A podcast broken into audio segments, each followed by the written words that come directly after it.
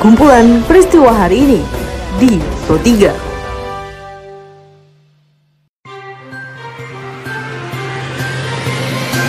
Halo pendengar, selamat berjumpa kembali di podcast Pro 3 RRI dengan kumpulan peristiwa yang terjadi pada hari ini. Seperti biasa, pada podcast ini saya akan mengulas isu-isu aktual yang masih hangat juga ramai diperbincangkan di sekitar kita. Tentu saja pendengar nanti akan saya hadirkan cuplikan informasi dari reporter kami. Saya Tika Nantia, inilah kumpulan peristiwa Pro 3 di ruang dengar Anda. Mendengar sebelum saya masuk ke dalam beberapa isu aktual yang akan saya hadirkan saat lagi, seperti biasa saya mengundang Anda terlebih dahulu untuk mampir ke laman berita kami di rri.co.id. Anda juga bisa follow dan berkomentar langsung di sosial media kami di Instagram, Twitter, juga Facebook dengan mengetik at RRI Programa 3 di kolom pencarian Anda. Pendengar perkembangan kasus COVID-19 di 8 provinsi prioritas ini masih fluktuatif, dilaporkan oleh reporter kami Pradip Terahardi, di mana kepada Komite Penanganan Pandemi COVID-19 di Indonesia, Presiden Joko Widodo menegaskan mereka harus tetap bekerja keras karena mengingat adanya integrasi antara kesehatan dan ekonomi yang harus berjalan secara seimbang. Kebijakan kesehatan dan kebijakan ekonomi agar seimbang antara gas dan remnya dan penanganan kesehatan menjadi prioritas, tidak boleh mengendur sedikit pun. Jadi, aura krisis kesehatan ini harus terus digaungkan sampai nanti vaksin tersedia dan bisa digunakan secara efektif. Jadi perlu saya tekankan juga bahwa tidak ada yang namanya pembubaran pembubaran Satgas COVID-19 nggak ada, baik di pusat maupun di daerah.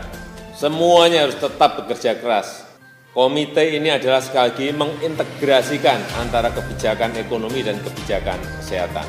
Perkantoran kini menjadi klaster terbaru dalam penyebaran virus COVID-19.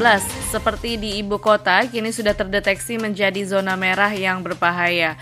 Saat diwawancarai oleh reporter kami Desi Natalia, Dr. Maria Mubarika, staf khusus Kementerian Kesehatan Republik Indonesia bidang SDM ini mengatakan apabila berlarut-larut dalam penyebaran virus ini dapat memukul perekonomian secara nasional saat ini memang ada laporan-laporan klaster-klaster dari perkantoran. Nomor satu adalah awareness, kesadaran juga. Jadi coba bayangkan jika perkantoran sudah dibuka, kemudian terjadi klaster, akhirnya kan ditutup lagi. Sebenarnya targetnya pemulihan ekonomi, bagaimana kita bisa beraktivitas, tapi bisa menjaga jarak dengan virus. Memutus mata rantai penyebaran juga jalan, tapi beraktivitas juga jalan.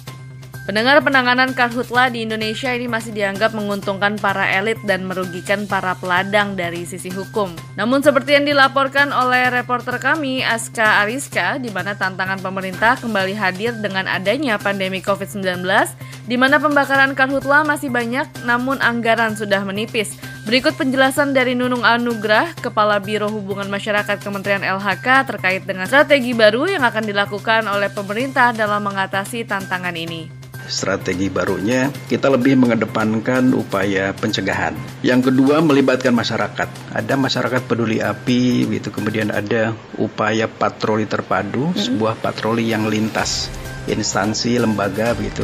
Kemudian early warning dan detection system mm -hmm. juga kami uh, kembangkan.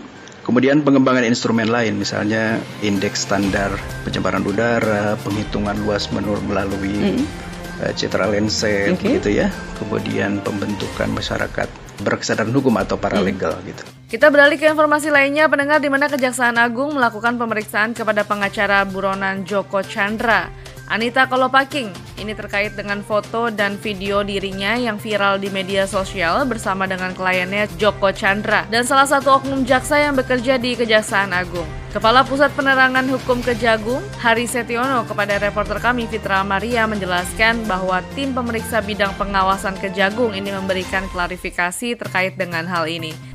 Jika diduga ada perbuatan tercela, maka akan ditingkatkan namanya inspeksi kasus Nah, hari ini dikaitkan dengan dugaan adanya berita yang ada di medsos. Yang pertama terkait dengan pertemuan Kajari Jakarta Selatan dengan seseorang atau beberapa orang di dalam ruangan itu yang diduga pengacara dari terpidana Joko Sugiarto Chandra.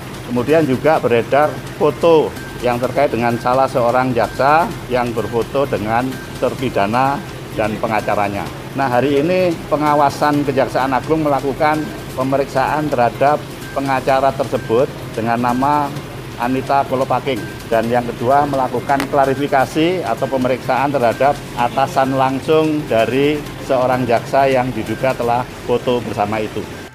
Seperti biasa, pendengar selanjutnya merupakan informasi terkait dengan update kasus yang diakibatkan oleh pandemi COVID-19 di Indonesia.